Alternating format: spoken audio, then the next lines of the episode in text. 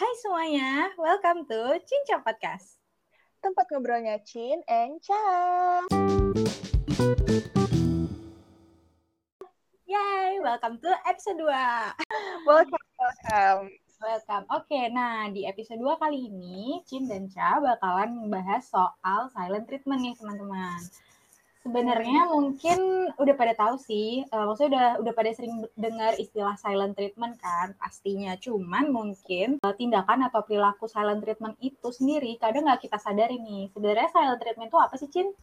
Bahasa sederhananya adalah kita ngediemin orang biasanya. Tapi kalau definisi lebih lengkapnya adalah tindakan di mana kita menolak atau seseorang menolak untuk berkomunikasi secara verbal dengan orang tertentu atau bahkan menganggap kalau orang itu tuh tidak ada gitu. Untuk stage terburuknya sih bisa sampai terhadap pengucilan nih. Setuju sama yang tadi dibilang sama Inca, mungkin secara nggak sadar kita tuh sebenarnya pasti pernah tuh jadi pelaku silent treatment ini. Kita pasti pernah ngediemin orang gitu. Entah misalnya pas kita lagi berantem sama pacar misalnya, atau lagi ada punya konflik sama temen, pasti pernah tuh yang kayak ngerasa sebel, terus ngediemin dan berharap orang yang kita diam itu jadi sadar terus minta maaf sendiri. Gitu. Bener banget. pasti secara nggak sadar tuh kayak pernah gitu ya kalau lagi ada masalah sama teman atau sama pacar, pasti kayak kita tuh secara nggak sadar, udah ah aku nggak mau bahas, tapi kita nggak ngomong, kita diem aja, tapi kita berharap partner kita nih sadar gitu loh kalau kita tuh lagi marah, terus kayak berharap aja dia tiba-tiba bisa minta maaf, padahal dia nggak tahu kita tuh kenapa gitu loh. Iya gitu. Kayak kita tuh berharap dia tuh adalah dukun atau cenayang gitu ya bisa baca pikiran kita gitu. Nah, tapi bedain juga silent treatment ini sama uh, ketika kita butuh waktu untuk menyendiri gitu ya. Kadang-kadang tuh yeah. juga sering banget nih kita kalau misalnya lagi ada masalah tuh kan emosi ya bawaannya ya. Emosi dan gak pengen bahas. It's okay, kita butuh waktu. Nah, tapi dia beda nih sama silent treatment gitu karena kalau silent treatment ini biasanya dia nggak nggak punya niat buat nyelesain masalah itu ya Cin ya iya dia nggak punya niat buat nyelesain masalah. Dan oh ini tadi juga jangka waktu. Jadi kalau hmm. silent treatment itu dia cenderung mungkin bisa berhari-hari atau berminggu-minggu. Beda kalau tadi yang sama Ca bilang kita butuh waktu untuk cooling down misalnya. Karena nggak enak juga dan nggak bagus juga untuk bahas masalah pas dua-duanya misalnya lagi sama-sama emosi gitu kan. Nah kalau itu kita bilang Uh, Oke, okay, aku lagi nggak bisa lagi nggak bisa bahas nih hari ini. Please give me time, entah itu sehari atau berapa menit atau berapa jam gitu. And after that we discuss it again gitu. Kita ngomong lagi gitu. Hmm, nah, jadi silent treatment itu ya udah tiba-tiba diem aja gitu kan. Jadi bahkan si korban pun nggak tahu kalau ternyata kita lagi lagi marah atau lagi sebel sama perilakunya dia gitu. Cuman kalau misalnya kita ngomong kan enak ya. Misalnya kita, oh aku lagi nggak mau bahas ini. Oh berarti ya udah just give me time. Berarti ada masalah di antara kita. Itu jelas kan. Jadinya oh ada problem di antara kita yang harus diselesaikan. Tapi kalau misalnya silent treatment itu ya udah tiba-tiba diem aja nih bahkan kayak korbannya ini kenapa ya? Aku salah apa ya? Sampai bikin si korban ini tuh bertanya-tanya gitu ya sebenarnya. Iya makanya ini sering banget biasanya terjadi di ini ya di hubungan tipe romantical relationship atau boleh lah kita bilang mungkin di sini pacaran gitu ya. Walaupun hmm. silent treatment ini bisa terjadi di jenis hubungan apa aja entah itu friendship orang tua sama anak atau bahkan rekan kerja. Cuman menurut aku pribadi yang sering aku temukan adalah di romantic relationship sama di friendship gitu. Kayak yang tadi udah aku contohin, misalnya di romantic relationship, sering nih tiba-tiba ceweknya ngambek gitu kan. Hmm. gitu. Iya, yeah, benar. Salahnya apa gitu. Dan mungkin ini juga sering bikin cowok-cowok tuh stres. Sering banget cowok yang kayak, cewek tuh kenapa sih kalau misalnya lagi marah tuh nggak ngomong aja gitu. Kenapa harus dia ngambek? Ya emangnya gue tahu. Gue emangnya gue bisa baca pikiran dia kan? Terus enggak, kalau gitu. ditanya jawabnya kamu kenapa? Ntar jawabnya apa? Jawaban andalan cewek tuh nggak apa-apa kok. apa-apa. Kok. Enggak, sebagai cewek can relate ya bu iya dia bilangnya nggak apa-apa tapi nadanya itu bukan yang enggak aku nggak apa-apa bukan gitu nadanya tapi enggak nggak apa-apa ya. atau kalau kalau di chat tuh cuman GPP sampai tuh ada ada apa namanya hmm, ada anggapan kalau misalnya cewek bilang nggak apa-apa itu berarti ada ada ada sesuatu iya. gitu kan kalau misalnya ce cewek lu bilang nggak apa-apa, berarti lu dalam bahaya gitu. Iya, sampai ada ungkapan kayak gitu loh. Jadi kayak se seolah-olah uh, ucapan nggak apa-apa tuh jadi tameng dibalik keselnya cewek gitu ya. Iya, jadi itu tuh bisa juga jadi kayak bentuk pasif agresifnya cewek nggak sih? Dia hmm, pasif bilang yes. apa-apa, tapi sebenarnya dia mengintimidasi gitu loh. Iya, benar sekali. Ada nggak apa-apanya tuh beda gitu. Nah, terus kalau misalnya di hubungan friendship nih, mungkin zaman-zaman dulu deh, mungkin yang jam-jam kita masih masa-masa ABG, remaja gitu kan. Tapi ada di saat kita konflik sama temen, terus yang kita kayak mm. temen kita gitu. Memang sih biasanya silent treatment ini nggak terlalu ternotis sama orang lain selain si target dan si pelaku gitu. Mm-hmm. Tapi kalau lama-lama jadi bisa ternotis juga ya, Caya? Yes, karena kalau lama apa terlalu lama didiemin atau terlalu lama masalahnya nggak berujung nih, itu lama-lama si pelaku nih kayak makin kerasa banget ngedieminnya gitu. Sampai yang lain itu bakal berasa. Awalnya kayak cuma ngediemin biasa gitu ya kan. Terus kayak kalau ditanya sama temen yang lain eh oh kenapa sama si ini? Pasti itu juga. Nggak apa-apa. Biasa lah kayak tadi lagi ya jawabannya. Nggak apa-apa nggak ada apa-apa. Tapi kalau lama-lama nih uh, dua belah pihak juga nggak ada yang mau menyelesaikan atau memang si pelaku ini memang nggak ada niat nyelesain sama sekali. Pengennya emang cuman mau buat si korban minta maaf lama-lama tuh jadi kelihatan gitu loh sikapnya ngejauhin orang lain gitu awalnya cuma ngediemin tapi masih main bareng. Lama-lama kayak ya udahlah lama-lama kayak nggak main bareng lagi. Nah itu bakal kelihatan sama orang lain gitu kan. Iya betul. Nah mungkin bisa dibilang sepele ya. Karena tadi kan contoh-contoh yang kita kasih adalah ya yang sebenarnya sering kita lakuin gitu. Mungkin ngambeknya ah kalau anak pacarnya kan ngambek sebentar ntar dibujuk cowoknya juga baik lagi gitu kan. Atau juga tadi pertemanan iya juga paling sebentar nanti kalau masalahnya udah lupa juga baik lagi. Tapi bukan di situ ya poin pentingnya. Poin pentingnya adalah mau sesepele apa pun silent treatment itu nggak bagus ya itu nggak oke okay banget yes, gitu. bener banget bener banget gitu. Karena kalau lama kelamaan si pelaku ini makin apa ya pasif agresif itu makin menjadi gitu loh dan bakalan bisa masuk dan berpengaruh terlalu jauh ke si korban ini sendiri malah jatuhnya bisa sampai ke emotional abuse gitu. Kapan sih silent treatment ini dikatakan uh, udah mulai masuk menjadi abusive? Nah, di sini aku ngutip dari tweetnya Dr. Jamie. Dr. Jamie pernah nge-tweet soal silent treatment dan bilang bahwa silent treatment itu udah masuk abusive jika yang pertama tujuannya untuk menyakiti, Terus kemudian yang kedua, diamnya berlangsung panjang. Yang ketiga, silent treatment ini diakhiri sesuka subjeknya. Selanjutnya yang keempat, silent treatment itu dikatakan abusive jika kalau misalnya si pelaku ini tuh ngomongnya malah sama orang lain tapi nggak sama si korban gitu. Jadi bukan yang menyelesaikan masalah tapi malah berpotensi menjadikan masalah itu semakin runyam atau semakin besar dan semakin melebar ke mana-mana gitu yang yang bisa berakibat pada si pelaku ini akhirnya mencari sekutu gitu. Nah makanya itu tadi si Cin juga sempat menyinggung kalau misalnya ini bisa bisa mengakibatkan terjadinya pengucilan karena uh, ketika si pelaku ini udah mulai mencari sekutu karena dia kayak keroyokan nih mainnya gitu ya kan? Iya, rame-ramean gitu. nih gitu kan. Rame-ramean gitu. Nah, terus selanjutnya dikatakan abusive juga ketika si pelaku ini menggunakan diam untuk menyalahkan dan membuat guilt. Itu tadi juga di, udah disampaikan sama Cin juga uh, kalau silent treatment ini dijadikan biasanya dijadikan untuk punishment gitu. Jadi ya, juga bisa bikin si pelaku ini jadi manipulatif terhadap korbannya. Itu tadi yang dibilang eh, uh, sama dokter Jamie juga kurang lebih sama apa yang kayak kita sharing-sharing dari awal tadi gitu ya. Nah, gimana sih cara kita mendanggapi kalau misalnya kita dikenai silent treatment? Jadi yang pertama adalah take a gentle approach atau make it about them. Nah, di sini kamu bisa nih coba mengerti dari sisi pelakunya gitu. Karena ya nggak ada hmm. salahnya juga kan kalau kita melihat satu masalah tuh dari dua sisi. Nggak, hanya dari sisi kamu aja, tapi kamu juga harus mikirin nih perasaannya dia gimana gitu. Kamu bisa ajak dia untuk ngomong baik-baik, tanya baik-baik sebenarnya tuh mm-hmm. ada apa sih? Gitu ada masalah apa? Aku tuh salah apa? Gitu. Kalau misalnya memang kamu salah minta maaf itu wajib dong gitu kan. Walaupun sebenarnya bukan salah kamu juga kalau misalnya dia men treatment kamu gitu kan. Tapi yang harus di take note di, di poin pertama ini adalah ketika kita mau uh, mendekati ya atau menyelesaikan masalah dia dengan ngomongin atau nanya masalah apa kita harus pastiin dulu nih dia udah cooling down atau udah enggak di fase masih pertama pertamanya emosi gitu. Jadi ketika dia masih baru-baru kesel terus kamu tanyain eh kenapa sih emang aku salah apa? Atau aku ada salah ya? Atau apa? Tuh malah bawaannya tuh makin makin emosi atau makin sebel gitu ya. Jadi kayak ibaratnya orang lagi nangis tuh kalau ditanyain kenapa tuh bukannya bisa ngejawab tapi dia malah makin nangis. Jadi kayak gitu juga sih kalau orang lagi emosi nih kalau aku ya kalau aku lagi emosi mm -hmm. itu lagi sebel-sebelnya tiba-tiba ditanya itu malah malah bawaannya jadi pengen marah gitu. Padahal aslinya ya udah pengen diem aja dulu. Jadi ya gitu sebelum kita mendekati atau bertanya ke ke si pelaku kita pastiin dulu bahwa memang uh, si pelaku ini udah nggak emosi-emosi banget gitu atau udah nggak sebel-sebel banget. Jadi butuh waktu lah gitu. Jadi ya mungkin takes an hour or lebih. Jadi kita harus pastiin dulu sikonnya udah uh, aman dalam tanda kutip gitu ya.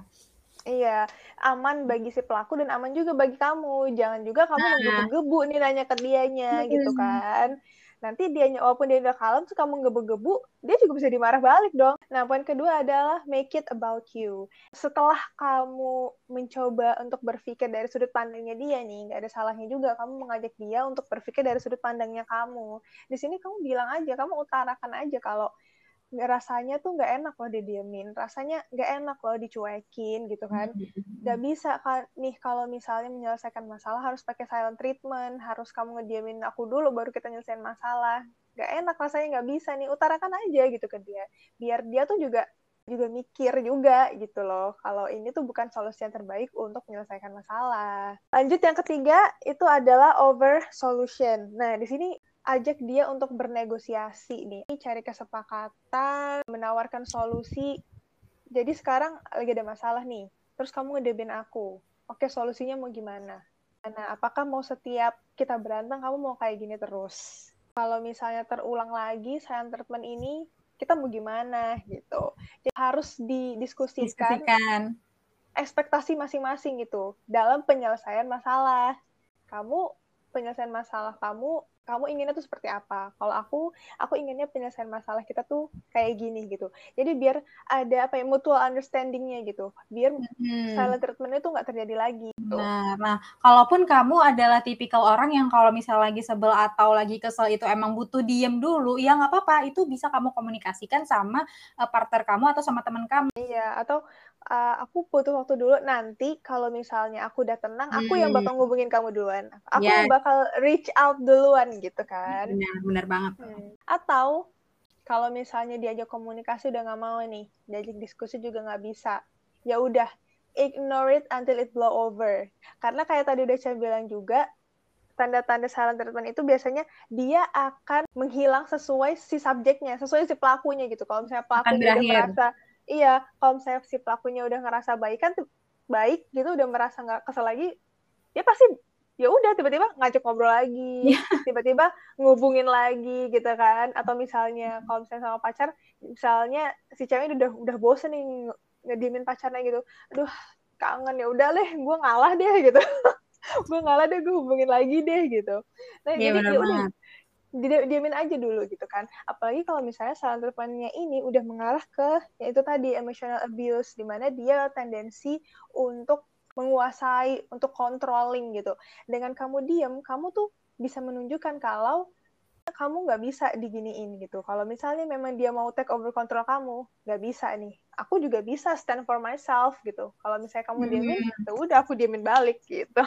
Tapi ini ini uh, apa namanya kuncinya adalah ketika kita udah nyoba tiga uh, cara sebelumnya ya, yaitu uh, nanya dia, ngungkapin perasaan kamu dan menawarkan solusi. Kalau tiga-tiganya memang udah nggak berhasil, baru ya udah, ya udah diemin balik aja gitu.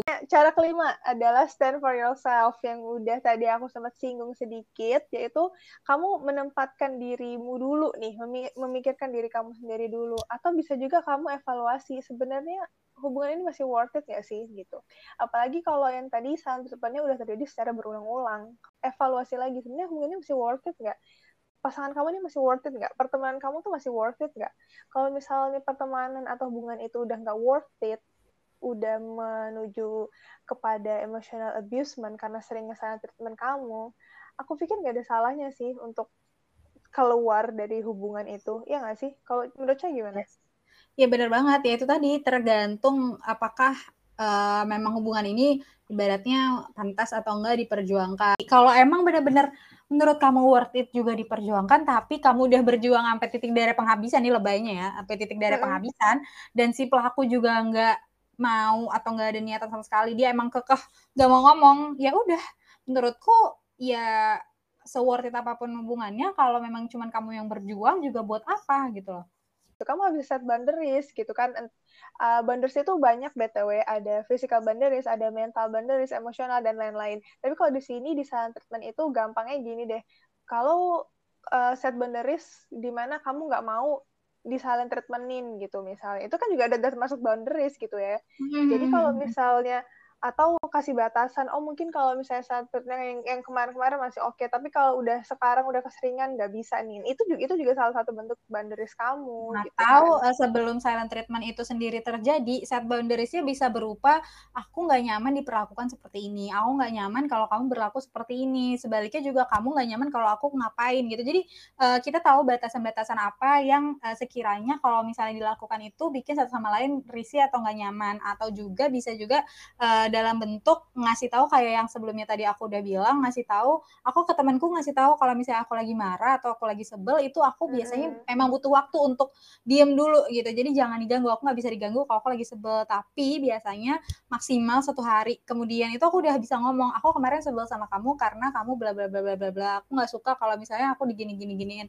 Nah itu adalah salah satu bentuk boundaries yang normal banget memang seharusnya dilakukan di dalam sebuah hubungan gitu. Hubungan yeah. apa pun ya Nah, sekarang uh, kita mau sharing-sharing nih sebenarnya ada loh beberapa hal yang bisa kita hindari atau sebaiknya kita hindari ketika kita mendapatkan perlakuan silent treatment. Nah, itu apa aja? Yang pertama menanggapi dengan sikap marah gitu. Jadi, kalau misalnya kita dikenai silent treatment, kita juga jangan menanggapi si pelaku dengan sikap marah karena kalau kita ikut marah juga malah bakal lebih memperburuk suasana yang tadinya cuma diam-diaman antar berdua, kalau misalnya kita marah juga jadi gelut terus semua orang jadi tahu gitu kan, wah ini emang lagi nih atau zaman sekarang nih zamannya sosmed banget ya. Nah, itu jangan malah yeah. nyindir di sosmed itu enggak banget gitu loh karena yeah, ya itu, tadi bukannya menyelesaikan masalah malah makin memperlebar masalah itu sendiri gitu ya. Iya. Yeah. Nah, yang kedua apa nih, Cin?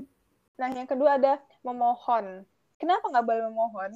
Karena gini, silent treatment ini kalau misalnya dijadiin senjata terus nih gitu kan. Kalau misalnya emang tadi tendensinya tuh ada untuk menguasai pasangan, menguasai temen gitu, itu tuh akan jadi kebiasaan gitu. Akan jadi kebiasaan di mana nanti kamu akan selalu merasa kamu salah dan dia akan selalu merasa kalau dia benar. Bener banget. Artinya, artinya dia berhasil untuk take over kontrol kamu. Gitu. Nah, ini juga berhubungan Tuh. sama poin se setelah selanjutnya. Jadi kalau misalnya uh, sesuatu yang sebaiknya dihindari setelah memohon adalah minta maaf meskipun kita nggak salah. Nah ini tuh sebenarnya juga nggak bagus. Kenapa? Karena sama kayak poin nomor dua yang tadi udah Cin sebutin sebelumnya, ini juga bakal jadi kebiasaan yang nggak sehat, yang bikin kualitas hubungan tuh jadi buruk ke depannya gitu. Lama-lama kamu hmm. bakalan ngerasa kamu yang harus terus minta maaf biar dia ini nggak marah gitu ya kan. Atau minta maaf sendiri tuh bukan sesuatu yang buruk. Tuh nggak minta maaf sendiri itu bukan nggak nggak nggak merugikan siapa-siapa. Cuma di sini konteksnya adalah ketika kita selalu minta maaf meskipun kita nggak salah. Nah jadi di sini konteksnya adalah kita udah sering banget nih ngelakuin itu. Yang selanjutnya ini uh, kayak easier said than done sebenarnya gitu ya. Gampang banget kalau ngomong padahal susah banget nih ngelakuin. Yaitu taking it personally atau memikirkannya terlalu dalam sampai menyalahkan diri sendiri. Nah ini sebenarnya kita bisa bilang nih eh, jangan atau nggak boleh terlalu hmm. ngebawa atau memikirin terlalu dalam. Sebenarnya kita bilangnya kayak gitu ya. Cuman sebagai korban sendiri itu tuh pasti susah banget gitu apalagi apalagi hubungannya sama temannya atau sama pasangan itu udah udah yang benar-benar deket banget atau yang klop banget pastilah kalau misalnya kita didiamin orang terdekat pasti kepikirannya tuh banget banget banget banget gitu ya. Banget, jadi ya banget. itu ya apalagi ini berhubungan sama emosi ya. Di mana sering kali emosi itu selangkah atau dua langkah lebih dulu nih daripada logika. Dan memang apalagi kalau kita dikenai silent treatment tuh sama orang yang kita punya kedekatan emosional atau emotional attachment gitu. Mm-hmm. Gak nggak mungkin kita tuh nggak kepikiran gitu. Tapi benar kayak kayak yang Chan bilang tadi, kalau kita terlalu mikirin, memang tendensinya para korban yang dikenai silent treatment itu akan satu blaming, blaming dirinya sendiri, self blaming. Yang kedua itu pasti akan menurunkan self esteem dia juga Yang ketiga itu adalah perasaan cemas atau anxiety juga gitu. Kenapa saya tahu sekali gitu ya? Karena saya Hmm. jujur aja tuh pernah menjadi korban dari silent treatment ini gitu. Nah, itu dia. Jadi ya, sebenarnya silent treatment itu dampaknya sebegitu besar loh. Merembetnya tuh ke mana-mana gitu loh. Silent treatment yang selama ini kita anggap ya udahlah cuman bentuk ngambek-ngambekan atau ngediemin orang tuh ternyata buat si korban itu tuh sebegitu dalamnya. Bahkan sampai si silent treatment ini punya julukan bahwa dia itu silent killer. Karena ya itu tadi eh, ketika ketika eh, si korban ini mikirin terlalu dalam, dia bakalan bisa nyampe nyalahin diri sendiri dan ngerasa diri sendiri dia itu nggak berharga.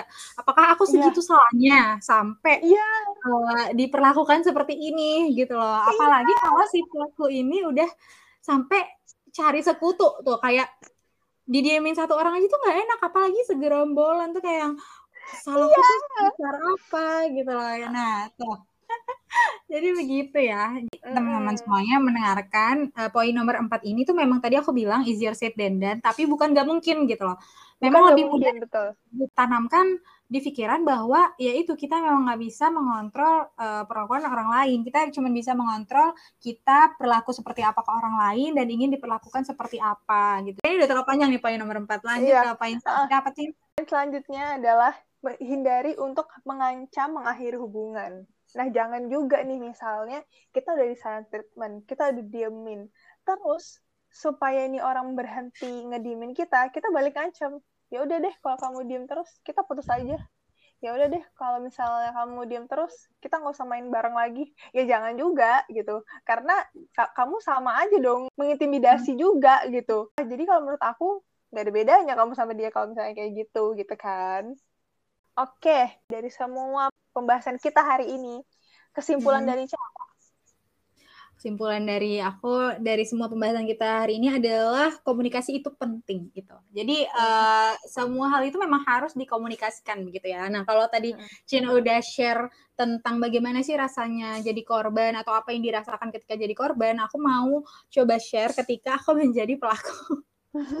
ya aku menjadi pelaku nih guys. Ini tuh bukan sesuatu untuk dibanggakan gitu ya. Karena aku juga sebenarnya merasa berdosa sekali nih sekarang. Kalau karena inget-inget dulu tuh sering banget gitu. Aku bener-bener sesering itu memperlakukan orang lain dengan silent treatment. Tapi sekarang udah enggak kok nah jadi aku uh, mau sharing-sharing proses bagaimana aku dari orang yang dulu sering banget nge-silent treatmentin orang menjadi ya ibaratnya kita bisa bilang lebih baik ya daripada yang kemarin. Nah, sebenarnya kalau dikutip juga nih dari tweetnya Dr. Jamie, Dr. Jamie itu bilang kalau ternyata si silent treatment ini tuh bukan cuman berbahaya bagi korban aja, tapi juga bagi pelaku. Nah, kenapa? Hmm. Karena ini membuktikan bahwa si pelaku ini belum memiliki keterampilan untuk mengekspresikan pikiran dan perasaan secara baik atau belum bisa asertif. Nah, itu juga yang terjadi Hmm. uh, waktu dulu ketika aku tuh sering me- memperlakukan orang lain dengan silent treatment. Setelah aku mengenal dan masuk di dunia perkuliahan ya, setelah aku mengenal ada istilah silent treatment, aku udah mulai bisa bilang gitu ya, bisa set boundaries juga sama teman-teman, bilang kalau misalnya aku lagi marah atau lagi sebel tuh aku jangan diganggu dulu gitu. Butuh waktu untuk bisa berpikir jernih sampai akhirnya ngomong ke temanku, aku kemarin sebel loh sama kamu gara-gara bla bla bla bla bla. Seberat apa pun itu kayaknya kalau dikomunikasiin itu bisa kok ada jalannya untuk diselesaikan gitu loh. Serumit apa pun kamu ngerasa masalah itu rumit karena kamu nggak ngomong atau nggak diskusi sama Iya. teman kamu atau sama pasangan kamu gitu ya. Komunikasi di sini yang dimaksud adalah ketika kalian tuh memaknai pesan itu tuh secara sama. Kalau misalnya uh, aku bilang A, lawan bicaraku tuh juga harus bisa menanggap itu sebagai A, jangan menangkap itu sebagai A minus atau menangkap itu sebagai B gitu. Nggak bisa. Jadi emang dua-duanya harus ada mutual understanding kan, harus sama-sama mengerti. Ini loh yang dimaksud, ini loh maknanya gitu ya. Dan membangun mutual understanding itu yang sebenarnya prosesnya banyak dan PR-nya banyak gitu loh. Karena masing-masing orang itu punya nilai sendiri, punya prinsip sendiri, punya uh, norma sendiri gitu ya namanya otak manusia berbeda-beda gitu kan. Nah, bagaimana cara kamu bisa saling mengerti? Itulah yang akan terus dibangun di sini. Jadi komunikasi tuh nggak segampang kamu cuma mengeluarkan beberapa, beberapa kata dari mulutmu yang didengar orang. Mau dia menerima yeah. itu apa enggak? Ya itu bukan usahamu enggak. Jadi komunikasi itu harus ada mutual understanding, sama-sama mengerti maksudnya apa gitu. Di sini aku sama Cha juga share-share kayak gini bukan berarti kita udah pintar, enggak juga gitu. Masih belajar. Ya, namanya, Ya, tapi ada fun fact nih, ada fun fact. Ada hmm. fun fact ya. Tadi Cin bilang kan di sini Cam sama Cin itu bukan berarti udah pro banget nih soal silent treatment karena kita masih belajar. Nah, fun fact-nya uh. adalah di awal tahun ketika aku tadi bilang aku udah mulai berubah di awal tahun aku nih ngediemin Cin karena ada masalah gitu ya. Itu jadi kayak kebiasaan itu tuh nggak bisa 100% hilang tapi aku nge-reach out kan akhirnya kan. Iya nge-reach out karena kan. iya karena sebenarnya gue nggak tahu sih salah gue waktu itu apa. Nah, jadi gue oh. diamin aja. Gue blow it over. Sebenarnya gue ngerasa sih. Dan biasanya juga dia tuh uh, anaknya kan overthinking banyak pikiran entah entah gimana gimana lah gitu kan. Pokoknya jadi oh ya ya udahlah biarin aja dulu gitu. Jadi aku diamin aja dulu. Dan emang ternyata intinya tuh cuma salah paham Iya kan itu tadi itu tadi aku sama aku sama Cah udah teman lama aja masih ada hal-hal yang belum jadi mutual understandingnya kita ya nggak sih? Iya, ya kan? banget. bagi Cam itu masalah bagi aku itu nggak masalah. Itu yang aku bilang makanya membangun mutual understanding itu yang PR pertemanan yang sudah lama pacaran yang udah lama ataupun pernikahan yang udah lama tidak menjamin kalau semua hal itu kalian bisa mengartikannya secara sama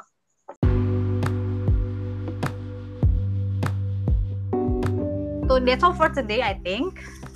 Semoga bermanfaat juga buat yang ngedengerin. Semoga bisa menambah insight-insight baru uh, untuk yang dengerin dan jadi pengingat kita terus juga ya Cam ya tentang ini ya karena hmm. kita sendiri kan udah udah pernah ngalamin juga nih. udah kita juga masih berproses uh, dan belajar uh, juga. Iya, iya betul. So thank you so much buat yang udah dengerin. See you di episode selanjutnya. Bye-bye. Bye. Bye.